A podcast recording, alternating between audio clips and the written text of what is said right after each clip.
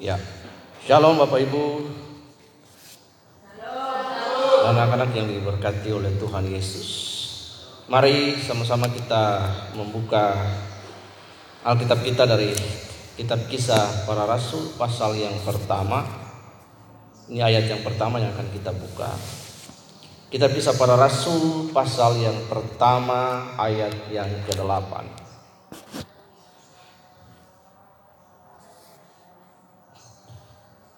Dikasih tanda di situ dengan pembatas Alkitab. Kemudian Anda boleh membuka di dalam kitab Injil Yohanes pasal yang ke-16 ayat yang ke-8 sampai ayat yang ke-11 dikasih tanda Alkitab karena ada dua di situ yang warna biru warna merah dan ayat yang ketiga Anda boleh membuka di dalam kasih tanda di situ. Roma pasal yang ke-8 ayat yang ke-14.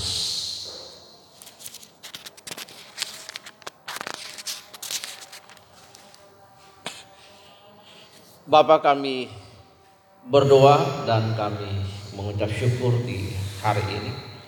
Terima kasih Tuhan untuk ibadah di hari ini.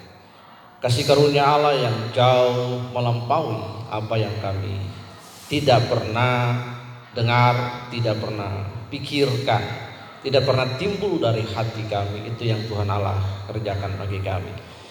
Semua kami mengucap syukur atas pemeliharaan Allah selama hari-hari ini bagi kami. Dan khususnya kami yang di bangsa ini mengalami pandemi COVID-19 Tuhan. Kami percaya bahwa dari mana kedatangnya pertolongan setiap kami, bahwa pertolongan setiap kami datang daripada Tuhan yang menjadikan langit dan bumi. Bahwa pedang, mara bahaya, penyakit, maut, kelaparan, ketelanjangan sekalipun tidak pernah memisahkan kami dari kasih Kristus yang hebat itu.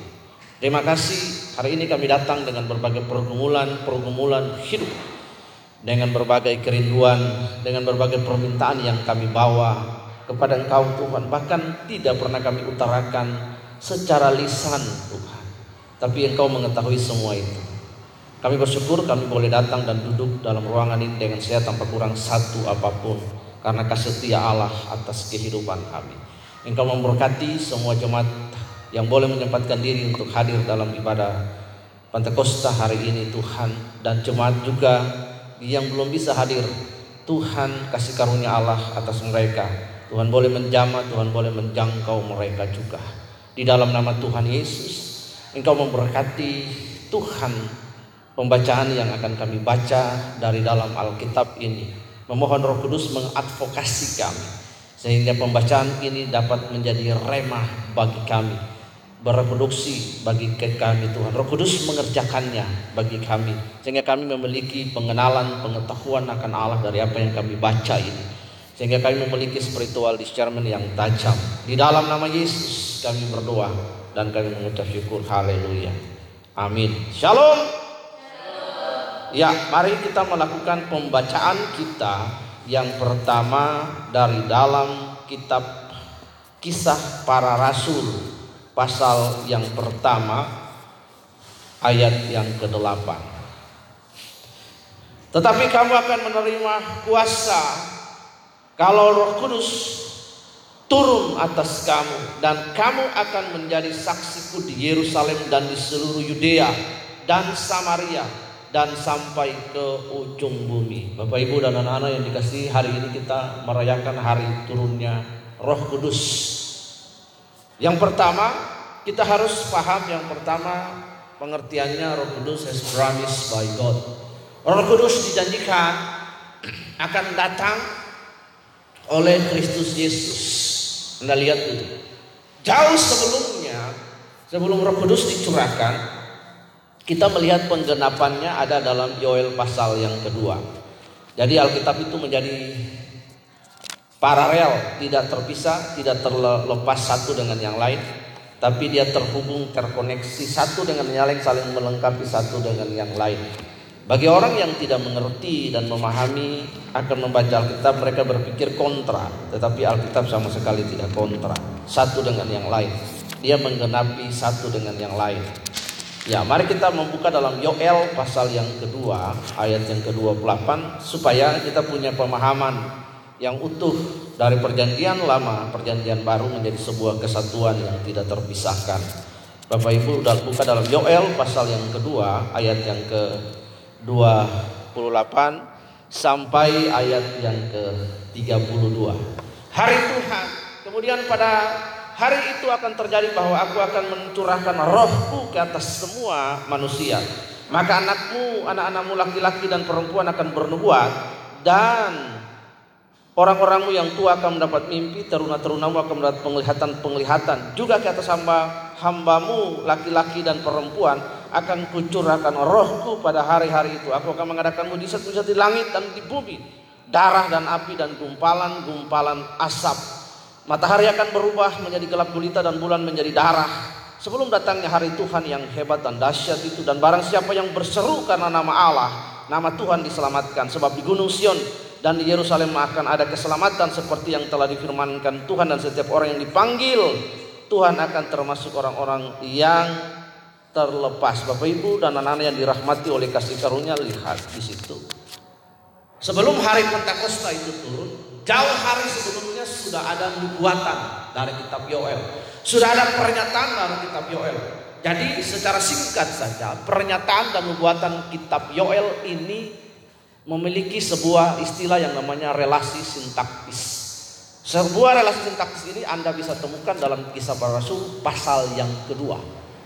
Artinya relasi sintaktis itu artinya apa yang dinubuatkan dalam kitab Yoel fulfill privacy dalam kitab kisah para rasul. Itulah yang disebut Pentakosta pertama. Ya, jadi Pentakosta cuma satu kali, satu kali saja tidak ada Pentakosta kedua, tidak ada Pentakosta ketiga. Nah, lihat di situ.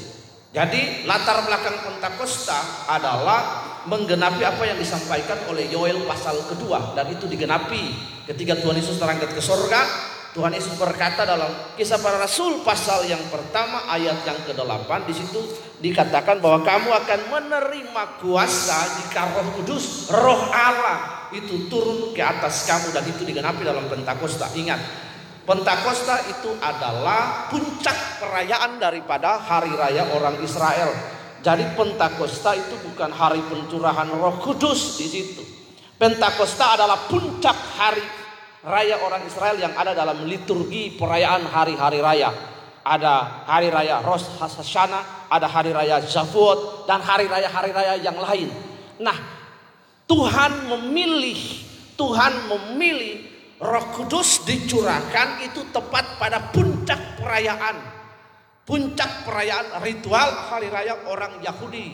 Lalu di situlah disebut hari Pentakosta. Roh Kudus dicurahkan pada hari Penta Pentakosta puncak daripada seluruh perayaan orang Israel itu menggenapi bahwa Kristus menggenapi. Lihat di situ kita harus lihat ada sebuah sinkronisasi yang manis Tuhan datang memenuhi semua ritual menjadi korban agung, memenuhi puncak ritual anak domba. Roh Kudus datang memenuhi semua puncak ritual daripada perayaan Yahudi, hari Pentakosta. Jadi Kristus memenuhi, Roh Kudus juga memenuhi semua unsur terpenuhi.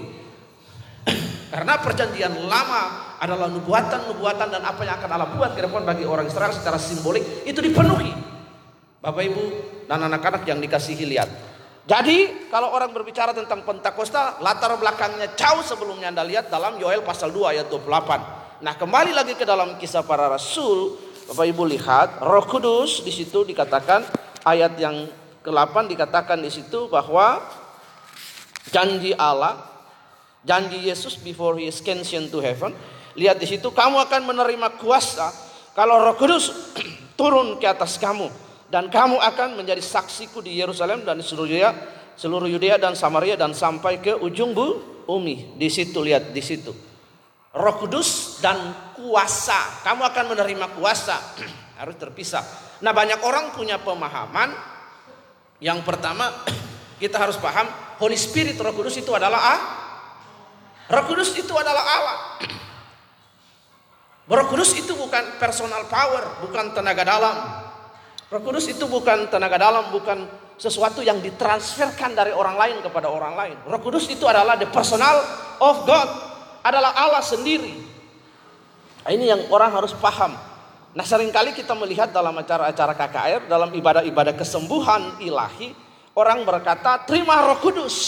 Kalau orang berkata terima roh kudus berarti dia berkata terima terima Allah. Roh kudus adalah pribadi ketiga daripada Allah itu sendiri yang Allah yang Esa, Bapa, Putra dan Roh Kudus yang kita sebut Tritunggal, yang kita juga kenal dengan nama yang lain Trinitas, yang kita kenal dalam nama lain Una Substantia Tres Personae, satu pribadi yang ilah, satu Allah yang Esa yang Ekhat. Bermanifestasi dalam tiga pribadi. Ini yang harus kita paham. Jadi ketika orang berbicara terima Roh Kudus, maka orang itu keliru. Kalau terima Roh Kudus berarti dia melebihi Roh Kudus. Secara logika berarti dia memberikan Roh Kudus. Roh Kudus itu bukan personal power, bukan tenaga dalam yang akan dibagi terima. Enggak. Nah, Roh Kudus akan datang, manifestasi dari Roh Kudus itulah maka seseorang dipenuhi oleh Roh Kudus, dia dalam hari dalam pelayanan-pelayanan seseorang akan mengalami kepenuhan Roh Kudus, seseorang akan disembuhkan, seseorang akan diberkati, seseorang akan mendapat impresi, seseorang akan dilawat oleh Roh Kudus. Lawatan Roh Kudus itu bentuk salah satu lawatan Roh Kudus bentuk manifestasi. Manifestasi itu tidak selalu orang keserupan. Orang kejang-kejang, orang teriak nangis histeris. Manifestasi itu banyak. Justru manifestasi daripada Roh Kudus menjamah hidupmu adalah hidup kita berubah. Karena buah daripada pekerjaan Roh Kudus itu adalah Galatia pasal yang kelima seperti yang dihafal Pak Tibor kemarin. Nah, ini yang harus kita paham. Jadi ketika kita hari ini merayakan hari Pentakosta, kita harus paham bahwa Roh Kudus itu bukan personal power, bukan tenaga dalam yang bisa di, transfer transfer dari seorang pendeta kepada jemaat, seorang pendeta di dalam acara KKR, dalam acara-acara kesembuhan. Roh Kudus adalah pribadi Allah. Manifestasi daripada pengurapan Roh Kudus atau seseorang bisa banyak menangis, terguling-guling, tertawa, ada banyak-banyak manifestasi, tapi manifestasi yang nyata dari pengurapan Roh Kudus, dari kepenuhan Roh Kudus adalah pribadi, moral seseorang itu baru berubah. Moral dari kehidupan seseorang berubah. Dia dibaptis Roh Kudus, dia penuhi Roh Kudus, bahkan berkata-kata dalam bahasa Roh boleh. Tapi hidupnya tidak apa? Tidak berubah. Perhatikan dengan baik pelajaran yang kita belajar kemarin. Ada tiga hal yang terbesar di bumi ini. Di dunia ini yang diajarkan oleh Tuhan. Iman, pengharapan, dan kasih. Tapi yang terbesar di antara ketiga dan tidak berakhir adalah kasih. God is love. Allah adalah kasih. Karena itu kita harus mengasihi Allah dengan sungguh-sungguh. Barang siapa yang tidak mengasihi Allah terkutuk. Dikatakan dalam 1 Korintus pasal 16 ayat 22. Nah ini yang perlu kita pahami. Jadi Roh Kudus mendorong kita, Roh Kudus menginspirasi kita. Roh Kudus has driven us to love God. Nanti kita lihat the three main words of the Holy Spirit. Karena itu setiap kali kita celebrate Roh Kudus kita punya pengalaman punya pengertian yang benar akan dan Roh Kudus yang pertama hari Pentakosta cuma satu kali seumur hidup. Satu kali saja sepanjang sejarah. Tidak ada Pentakosta kedua, Pentakosta ketiga, Pentakosta keempat. Dasar dari Pentakosta pertama mutlak ada di dalam Yoel pasal yang kedua ayat 28. Tidak ada Pentakosta 2 3. Kalau ada yang mengajar seperti itu maka dia tidak didriven, dikendalikan, digerakkan oleh roh Allah, tidak digerakkan oleh dasar yang benar. Dia digerakkan oleh keinginannya dia sendiri untuk penafsiran yang keliru. Dan Pentakosta ketiga memenuhi apa yang disampaikan oleh Pentakosta pertama. Yang pertama dan terakhir hanya satu kali Pentakosta memenuhi apa yang dikatakan oleh Yoel pasal yang ke 228. Pentakosta kedua tidak ada dasar. Dia memenuhi apa? Tidak ada. Pentakosta ketiga tidak ada dasar. Dia memenuhi nubuatan apa? Tidak ada.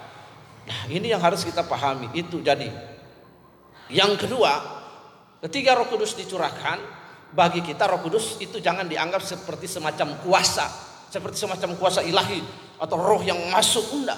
Roh Kudus adalah pribadi Allah, the personal of God yang mencipta, dia punya kuasa, dia punya otoritas. Kita harus memahami ini, the spirit of God. Jadi Roh Kudus itu bukan seperti yang kita bayangkan dalam banyak perilaku-perilaku dalam pelayanan yang menyimpang, yang keliru ketika seorang berkata, "Terima Roh Kudus." Seorang pendeta sangat terbatas. Dia tidak ilahi. Pendeta tidak ilahi, dia hanya bencana. Seharusnya dia berkata biar Roh Kudus yang mengurapi kamu. Karena tidak ada seorang pendeta yang dapat memberikan Roh Kudus bagi seseorang. Amin. Ini yang benar. Tidak ada seorang pendeta yang mengatakan terima Roh Kudus. Berarti dia bilang terima Allah, terima pribadi ketiga Allah. Tidak ada. Karena inilah kesadaran ini kita harus perlu bangun supaya Anda ketika merayakan hari Pentakosta merayakan itu dengan benar. Yang kedua adalah orang sering kali merayakan Pentakosta, mereka berdoa 10 hari. Oke-oke sajalah terserah mereka, itu premis mereka. Tapi premis yang kita bangun hari ini adalah when we celebrate the Pentecost Day adalah kita mengimani bahwa 2000 tahun yang lalu sudah terjadi hari Pentakosta satu kali dan selamanya untuk menggambarkan keilahian kedivinitassan Allah memenuhi semua unsur yang sudah has promised 10,000 years ago. Ribuan tahun yang lalu, thousand years ago. Ini yang harus kita pahami. Nah, jadi kita bukan nanti menantikan 10 hari kalau kita berdoa menantikan 10 hari Roh Kudus, seolah-olah kuasa yang kita puasa itu jauh lebih besar dari hari Pentakosta, enggak. Karena hari Pentakosta itu melahirkan gereja perdana. Melahirkan orang-orang gereja dalam perdana, orang-orang diutus. Di situ ada rasul-rasul, Nah Anda lihat. Jadi Pentakosta ketiga, Pentakosta sekian dan lain tidak bisa membuktikan hal ini. Standar khusus daripada Pentakosta. Di situ ada rasul-rasul berkumpul melahirkan gereja perdana. Kemudian ada penginjilan terjadi dengan hebat. Jadi yang benar Bapak Ibu, Roh Kudus itu adalah pribadi Allah sendiri. Nah kita harus paham Allah Bapa, Allah Anak, Yesus dan Allah Roh Kudus. Roh Kudus itu juga personal, pribadi. Kita dapat bersekutu, dapat berlasti dengan roh Allah yang kudus itu. Mari mari kita lihat apa yang dikatakan oleh Injil Yohanes. Secara singkat, pemahaman ini akan menolong kita setiap berulang-ulang pemahaman ini harus benar, harus tertanam dalam alam bawah sadar kita, dalam pikiran kita, dalam konteks kita berpikir. Mari Bapak Ibu lihat dalam Yohanes pasal yang ke-8 ayat yang ke 11 8 sampai 11. Yohanes pasal yang ke-16 ayat yang ke-8 sampai ayat yang ke-11. Pekerjaan penghibur lihat di situ.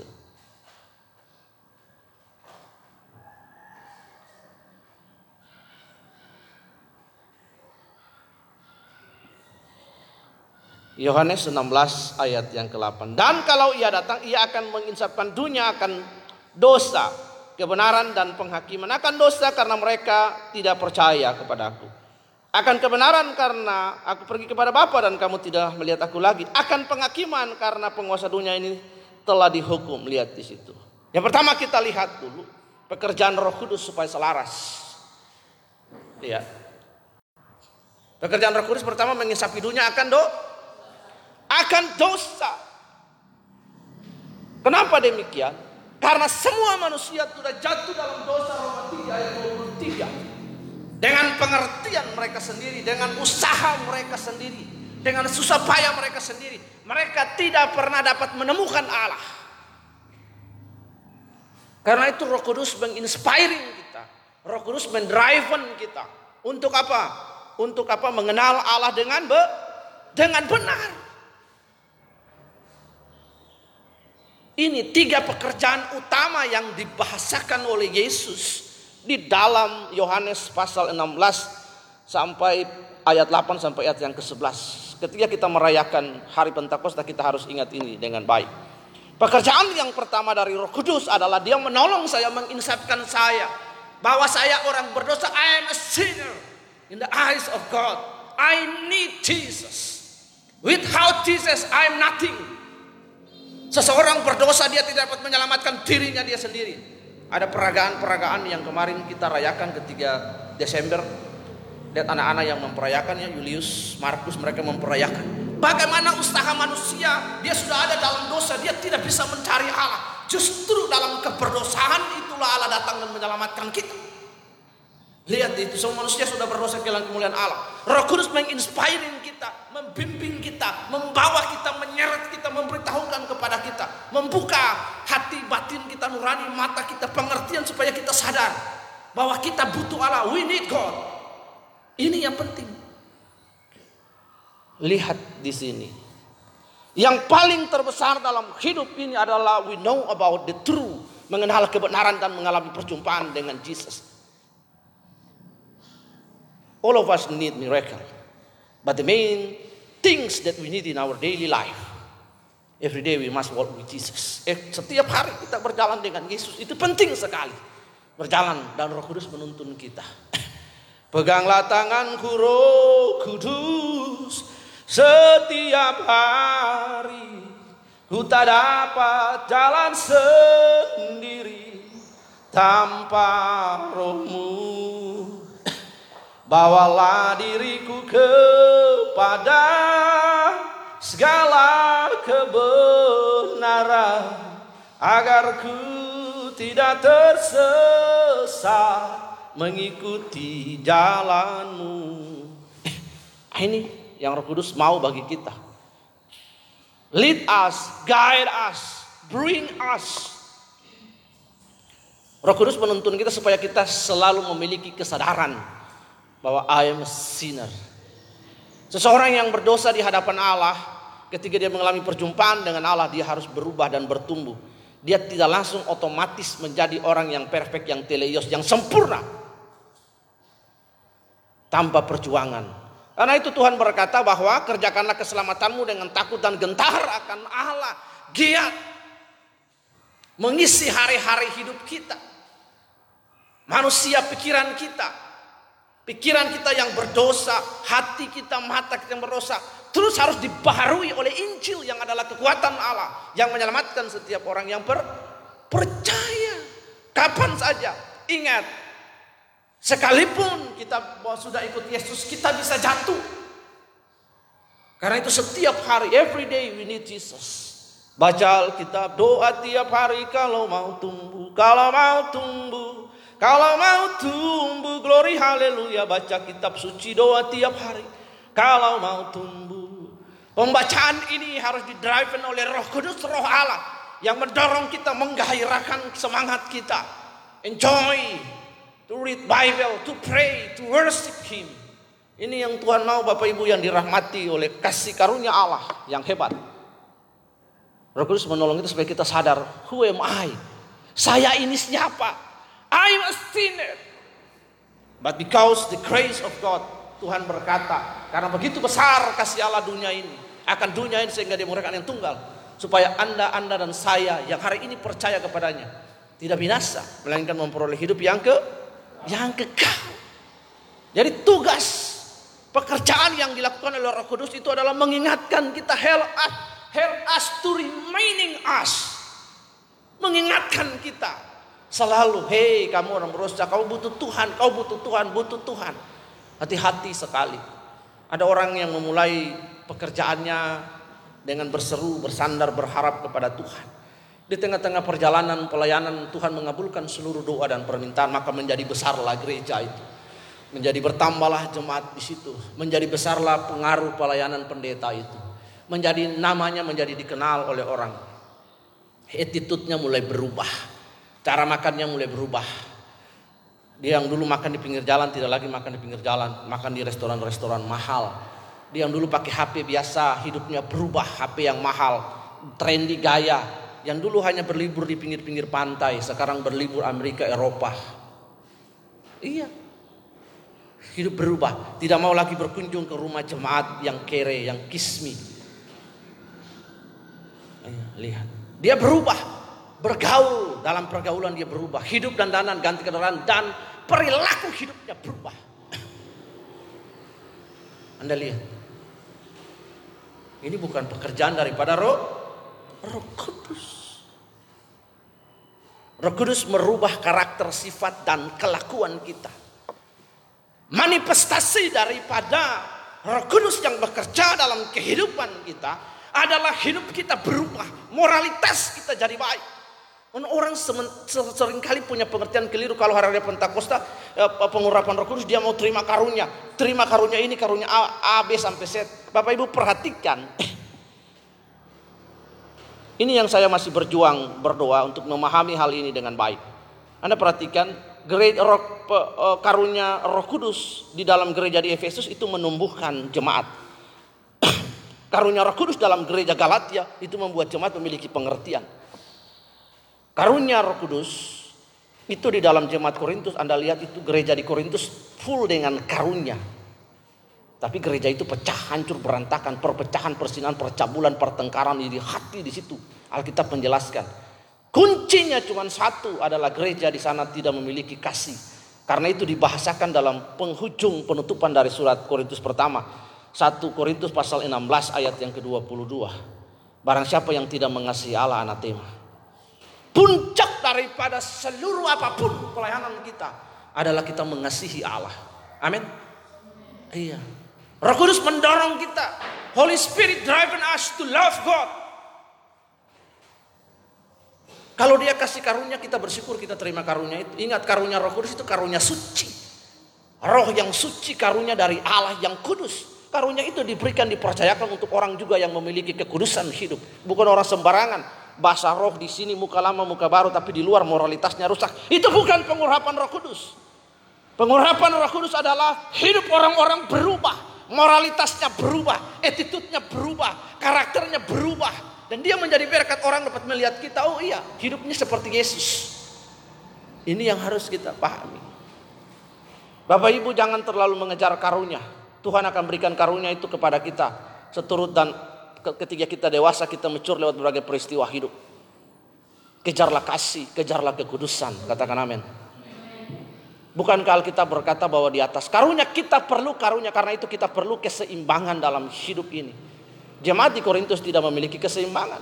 Mereka punya karunia hebat tapi Anda baca gereja itu penuh dengan perpecahan, iri hati, percabulan, hawa nafsu, pertengkaran di antara mereka.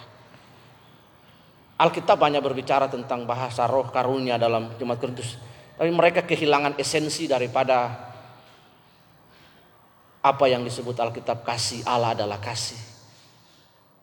Allah dalam kitab Wahyu pasal 2 menyatakan ketidaksetujuannya menyatakan perasaannya yang dibahasakan dalam Efesus. Aku tahu tentang engkau tapi engkau telah meninggalkan kasihmu yang semula. Bapak Ibu dengar baik. Ayat yang kelima berkata, ingatlah bahwa engkau telah jatuh jauh, engkau telah, engkau jatuh jauh, bangkitlah dan bertobat. Kehilangan cinta, kehilangan gairah kepada Allah, kehilangan cinta kepada kitab suci, kehilangan gairah untuk memuji, menyembah dan berdoa itu kita sudah jatuh dibahasakan dalam kitab suci. Kita kehilangan gairah kepada Allah, kehilangan passion kepada Allah, kehilangan cinta kepada Allah. Itulah yang disampaikan. Perasaan Allah disampaikan kepada gereja di Efesus. Aku tahu segala pekerjaan orang di Efesus melakukan pelayanan dengan baik.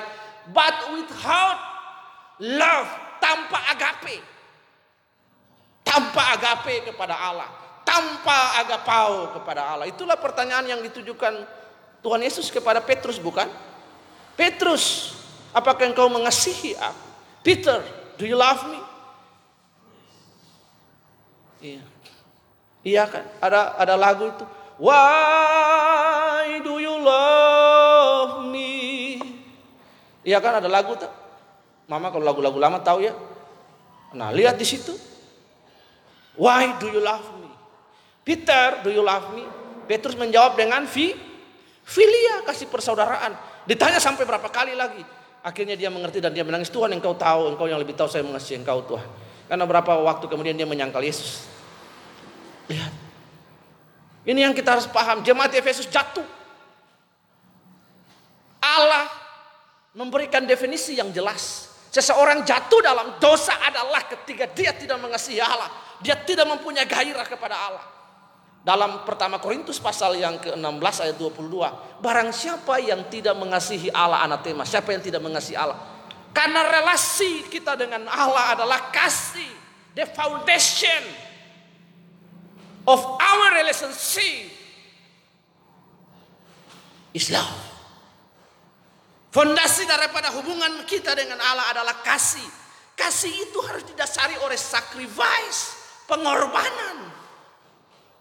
We take a time to prayer, take a time to read Bible, take a time to make a relationship with God. Kita bayar waktu. Semua yang kita lakukan tidak pernah bisa menggantikan apa yang dibahasakan dalam Yohanes 3 ayat 16. Karena begitu besar kasih Allah akan dunia ini sehingga dia bukan yang tunggal. Ini yang penting. Dengar baik Bapak Ibu yang dikasih Tuhan. Mari Roh Kudus mendorong kita supaya kita mengerti esensi kita yang benar sebagai manusia Kristen. Bahwa kita adalah orang berdosa yang dipulihkan, yang diselamatkan. Kapan saja kita bisa jatuh tanpa kita mengasihi Allah. Tanpa kita dekat dengan Allah. Tanpa kita memiliki kebergantungan kepada Allah. Poin yang kedua. Bapak Ibu lihat di situ. Roh Kudus ia akan datang, ia akan menginsafi dunia akan dosa tadi sudah. Dan kebenaran. Roh Kudus membawa kita kepada kebenaran. Bapak Ibu perhatikan dengan baik. Saya kasih clue singkat bagi kita. Kebenaran yang mutlak bagi kita setiap orang Kristen harus tanamkan dalam pikiran kita, dalam sebagai ideologi kita, dalam hati kita, memorais kita, pengertian kita. Kebenaran yang mutlak bagi Kristen adalah Yesus Kristus. Pribadi Kristus. Kebenaran di luar Kristus itu bukan kebenaran yang mutlak nanti. Dengar firman Tuhan dulu. Kebenaran yang mutlak bagi Kristen adalah Kristus.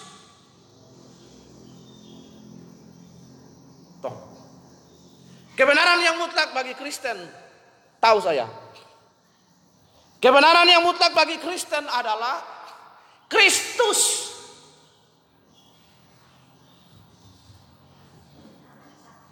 Oh. Kebenaran yang mutlak bagi Kristen adalah Kristus Yesus adalah pribadi. Di mana kita dapat berelasi dengan kebenaran itu. Bapak Ibu lihat. Kita dapat berelasi dengan kebenaran. Dapat bergaul dengan kebenaran karena kebenaran itu adalah pribadi. Orang Kristen tidak mungkin bisa berelasi dengan kebenaran yang cuma retorika. Orang tulis di kertas. True. Lalu orang kasih definisi di belakang kalimat itu.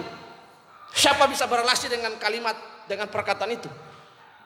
Tidak ada orang Kristen yang dapat berrelasi dengan kebenaran yang berdasarkan retorika, pikiran teks yang ditulis orang dalam kamus bahasa Indonesia.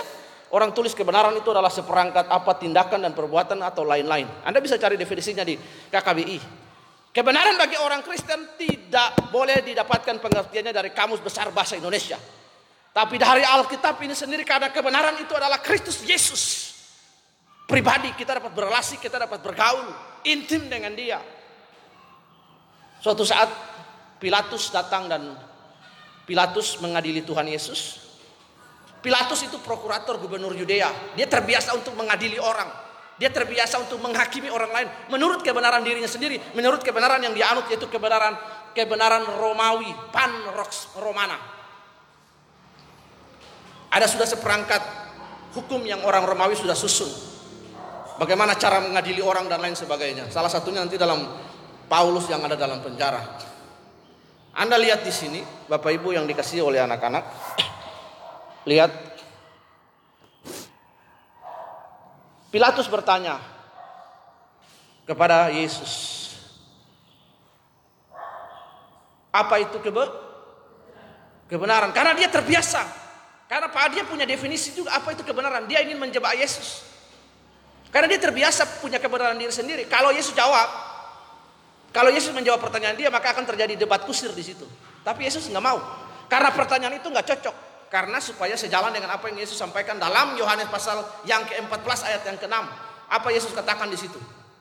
Aku adalah jalan kebenaran dan kehidupan.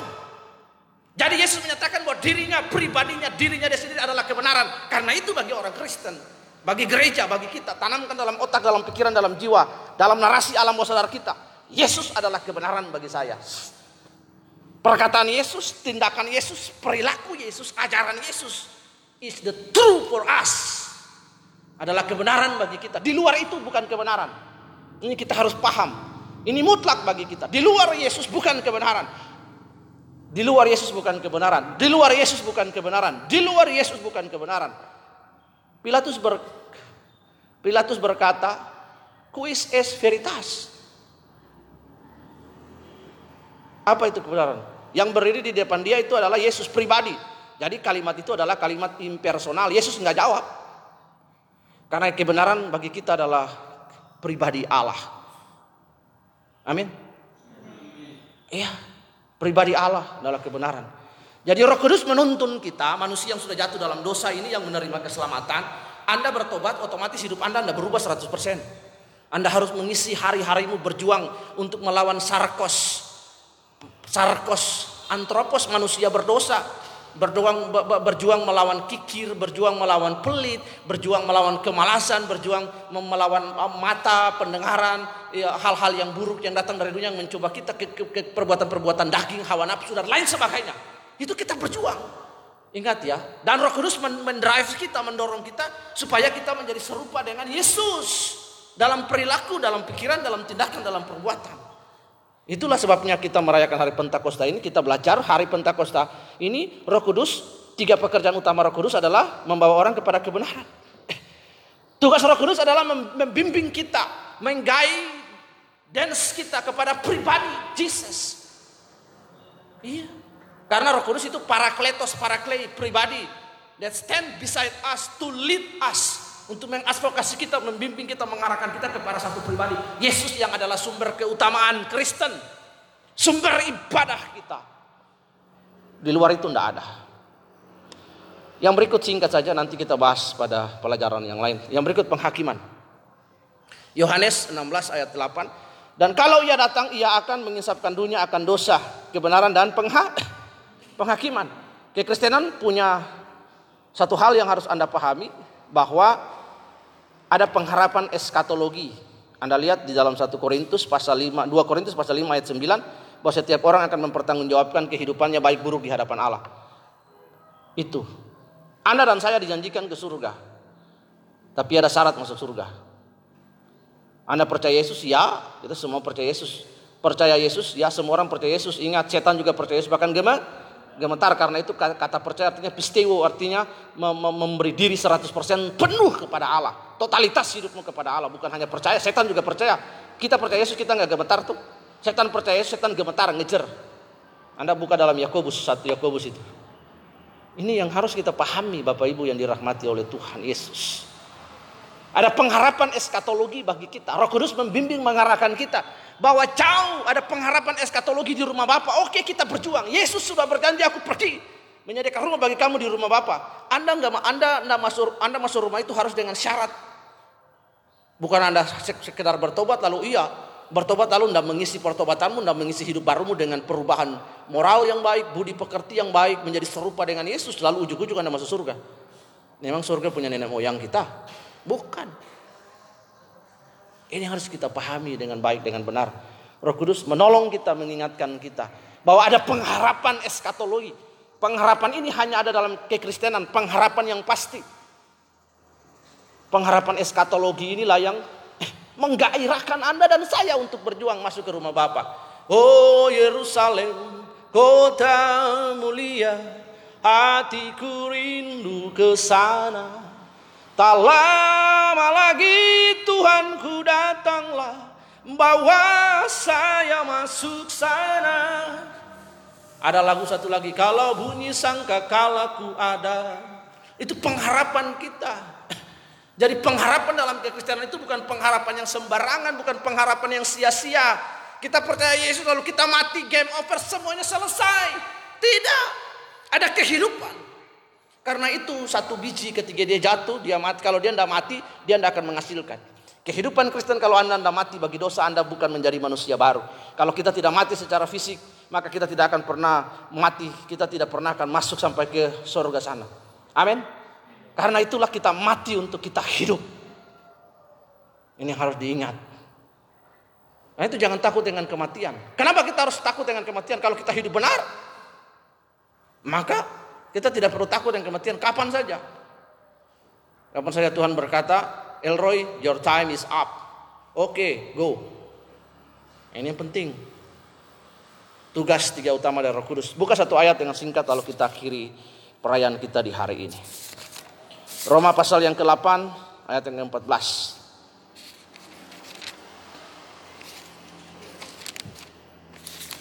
Oke Bapak Ibu yang diberkati oleh Tuhan Yesus. Buka Roma pasal 8 satu ayat lagi. Tadi saya janji tiga ayat ya.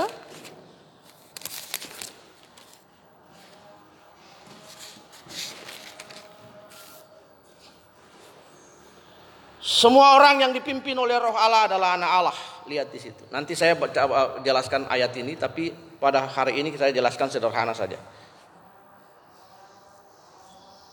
Di sini dikatakan semua orang yang dipimpin, kata dipimpin itu artinya agone, ago dari kata akar kata Ibrani-nya ago. It means intense conflict. Ada konflik yang berkepanjangan dalam diri manusia. Dalam diri manusia ada dua jenis manusia, Anda harus ingat. Yang jenis manusia pertama itu sarkos antropos, manusia berdosa, manusia daging, manusia karnal. Pikiran cabul, pikiran porno, pikiran segala macam iri hati, dengki, dendam, kepahitan. Semua manusia itu. Kalau Anda Anda bertobat, maka manusia itu tuh bercokol dalam hidup Anda. Anda bertobat, Anda harus berjuang untuk mengalahkan manusia itu yang disebut antropos. Sarkos antropos. Yang kedua, setelah Anda lahir baru, Anda bertobat terima Yesus, membaca Alkitab, kemudian Roh Kudus mengurapi Anda, Anda berjuang untuk mematikan manusia daging, disebut manusia yang namanya antropos pneumatikos manusia roh. Jadi tadi saya jelaskan dipimpin itu ago, artinya intense konflik antara manusia yang daging tadi dengan manusia yang rohani tadi. Mereka bertemu dalam satu peristiwa ketika Anda berdoa contohnya. Tuhan berikan saya kesabaran dan roh mengampuni. Lalu di antara kita ada konflik.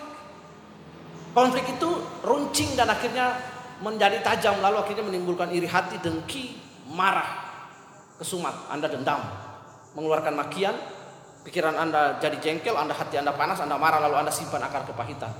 Mati sendiri kalau pahit kan? Anda taruh akar kepahitan, campak, busuk, dan Anda mati sendiri. Harus diingat itu. Nah, konflik. Kalau ada konflik dan orang caci maki friksi tajam, manusia rohani Anda akan berkata ampuni kasihi. Ampuni, kasihi, lupakan. Ampuni dia, berkati dia. Itu manusia roh. Manusia rohani, Anda tidak mengampuni cai belerti cinga. Ya kan? Saya tidak akan mengampuni dia. Saya akan ingat terus. Nah Anda bertumbuh dalam kepahitan itu.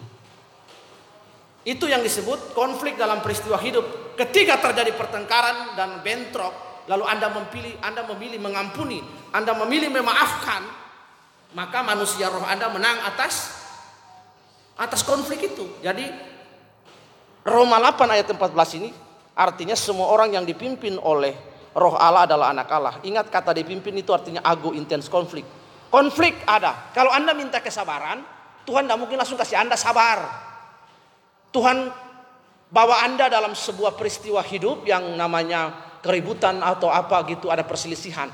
Di situlah maka manusia roh Anda yang bermain atau manusia daging Anda yang bermain. Kalau manusia roh bermain Anda memilih untuk mengampuni, melupakan, memaafkan. Kalau manusia daging, nah Anda simpan dendam, saya simpan dendam, saya saya nggak akan lupa dia. Kurang ajar. Nah, anda mengeluarkan kata-kata yang kotor misalnya. Oh, saya tidak mengampuni dia kurang ajar, anjing, bangsat, nah, segala macam, setan alas misalnya begitu. Nah, manusia daging Anda tidak menang maka Anda tidak bisa dipimpin oleh roh Allah. Karena roh Allah itu tidak, tidak bisa berselaras dengan manusia itu. Anda manusia rohani, Anda memiliki spiritual discernment yang tajam. Kalau Anda mengampuni, maka Anda selaras dengan roh kudus. Mengampuni, mengasihi, mengampuni, membalas, memberkati dia. Ketika Anda terbiasa dalam peristiwa-peristiwa hidup konflik, Anda terbiasa untuk mengampuni, melupakan, dan lain sebagainya. Roh Kudus dengan mudah akan menuntun Anda. Roh Kudus dengan mudah akan menuntun Anda dan berbicara kepada Anda. Itu pasti Alkitab berkata, semua orang yang dipimpin oleh Roh Allah adalah anak anak. Jadi bukan semua orang Kristen dipimpin oleh Roh Allah. Oh, kita orang Kristen kita dipimpin oleh Roh Allah. Kalau Anda dipimpin oleh Roh Allah, Anda bisa mengampuni orang lain, tidak melupakan. Bodoh. Amin. Ya dengan gampang sekali orang bilang saya dipimpin oleh Roh Allah. Ya Anda hidup dalam kepahitan. Bagaimana Roh Allah hidup? Bekerja dalam Anda yang memiliki hati yang kotor, yang pahit, yang pahit, yang dendam. Itu keliru. Jadi ini pengertiannya agone dipimpin. Jangan memperingati perayaan roh kudus ini. Maka kita membiasakan manusia roh kita dipimpin oleh roh Allah. Kalau Anda menang dalam berbagai peristiwa-peristiwa hidup yang Anda jalani. Yang Tuhan izinkan datang, Anda jengkel, Anda marah, Anda ditipu, Anda dikecewakan orang lain, Anda memilih untuk mengampuni, melupakan dan melepaskan kasih Roh Kudus dengan gampang akan memimpin kita. Spirit to spirit karena roh kita sama. Memiliki kesamaan. Amin. Kita akan mudah dan gampang dikendalikan, di drive oleh roh Allah. Kalau enggak ya sudah. Ya kalau kita dendam, kita kecewa, kita kepahitan, mana mungkin Roh Kudus akan mendrive hidup kita? Karena dari dari semua orang yang dipimpin oleh Roh Allah adalah anak Allah. Kata dipimpin itu ago agone. Intens konflik antara sarkos, antroposarkos dan antropos pneumatikos mereka berdua. Nah, ketiga dalam dalam peristiwa itu saya memilih Tuhan saya mengampuni dia, saya mengasihi dia. Oke, saya lebih dulu minta maaf maka Bapak Ibu dengarkan baik. Dengan mudah Roh Kudus akan menuntun, membimbing, menggait kita. Ini yang dimaksud dengan ayat ini. Tidak semua orang Kristen dipimpin oleh Roh Allah. Harus diingat. Karena dia harus menang atas peristiwa-peristiwa hidup ini. Iya. Ada orang Kristen yang bilang saya dipimpin oleh Roh Kudus, Roh Kudus menuntun saya. Muka belanga. Roh Kudus pimpin kamu sementara kamu punya kelakuan busuk dengan adik ipar dengan keluarga. Bagaimana Roh Kudus pimpin kamu? Omong kosong bullshit. Roh Kudus pimpin kamu. Jadi kalau Roh Kudus mengurapi kita, Bapak Ibu yang dikasih Tuhan harus hidup kita berubah. Moralitas kita berubah, attitude kita berubah dan terlebih termanifestasi dalam buah roh dalam Galatia pasal yang kelima. Iya. Buah buah roh, manifestasi buah roh, kasih sukacita, damai sejahtera dan lain-lain segala macam. Diingat itu. Jangan orang bermanifestasi Roh Kudus menangis lalu terguling-guling. Badah nemaroyo hidup berubah. Amin. Roh Kudus baru menuntun kita supaya kita mengalami perubahan hidup. Katakan amin. Oke. Menjadi serupa segambar dengan dia. Kiranya hari Pentakosta yang kita rayakan ini menuntun kita, menolong kita supaya kita memahami dengan benar tentang perayaan hari Pentakosta, latar belakangnya, kemudian peran Roh Kudus bagi kita, pengaruh Roh Kudus bagi kita, pekerjaan Roh Kudus bagi kita. Sehingga konteks berpikir kita, narasi yang kita terima dari Alkitab ini utuh. Amin. Mari tunduk kepala dan kita berdoa. Bapak kami berdoa dan kami bersyukur di siang hari ini. Terima kasih Tuhan buat ibadah perayaan Pentakosta ini. Kami bersyukur, terima kasih dalam nama Yesus. Engkau mengurapi semua kami sehingga kami memiliki pengertian yang benar tentang peristiwa Pentakosta ini. Pemahaman yang benar, peran dan fungsi roh kudus bagi kami. Dan apa yang harus kami lakukan mereka di Pentakosta ini Tuhan. Tolong kami dalam nama Yesus. Kami berdoa dan mengucap syukur Engkau mengurapi kami supaya hidup kami justru lebih berubah. Karakter, attitude kami, kelakuan kami, sifat kami menjadi serupa segambar dengan Engkau. Di dalam nama Yesus. Supaya kami menjadi gereja yang anak-anak kerajaan yang dewasa, yang betul dalam Engkau dan siap menjadi pengantin. Kami berdoa dalam nama Tuhan Yesus. Berkati gerejamu, berkati jemaat, memberkati gembala sidang kami Pak. Dengan seluruh jemaat di Jakarta Engkau memberkati. Di Dolok Sanggul Engkau memberkati. Di mana-mana pun Engkau memberkati jemaat Kapernaum Tuhan rumah tangga dan pelayanan pemimpin kami engkau memberkati dalam nama Yesus. Terima kasih engkau memberkati bangsa ini, engkau memberkati presiden wakil presiden, para menteri yang ada dan semua gugus tugas yang ada di pusat Indonesia maupun yang di provinsi-provinsi untuk menolong dan memberkati oh, penanganan wabah COVID-19 ini Tuhan. Kami berdoa biar percepatan pemulihan terus Tuhan selesai, biar kehendakmu yang jadi saja. Kami setuju, kami manut dengan apa yang kau buat. Terima kasih Tuhan Engkau untuk membawa kami di tengah-tengah COVID ini untuk kembali kepada pengajaran yang sejati, gereja yang sejati, kembali kepada gereja mula-mula, kembali kepada pola hidup gereja mula-mula di dalam nama Yesus. Kami berdoa dan kami bersyukur memberkati kabupaten-kabupaten kami Tuhan, berkati gereja, berkati jemaatmu di tempat ini dalam nama Yesus. Hari ini kami akan pelayanan Tuhan di tempat Gracia Motor, Tuhan memberkati semua kami. Terpuji nama Tuhan, kami berdoa mengucap syukur. Mari Bapak Ibu bangkit berdiri, anak-anak kita terima berkat Tuhan. Kasih karunia Allah yang jauh melampaui segala roh hikmat akal pikiran menolong dan memberkati kami. Ingat baik dari mana kedatangnya pertolongan kita. Bahwa pertolongan kita datang daripada Tuhan yang menjadikan langit dan bumi. Angkat kedua tanganmu dan terima berkat.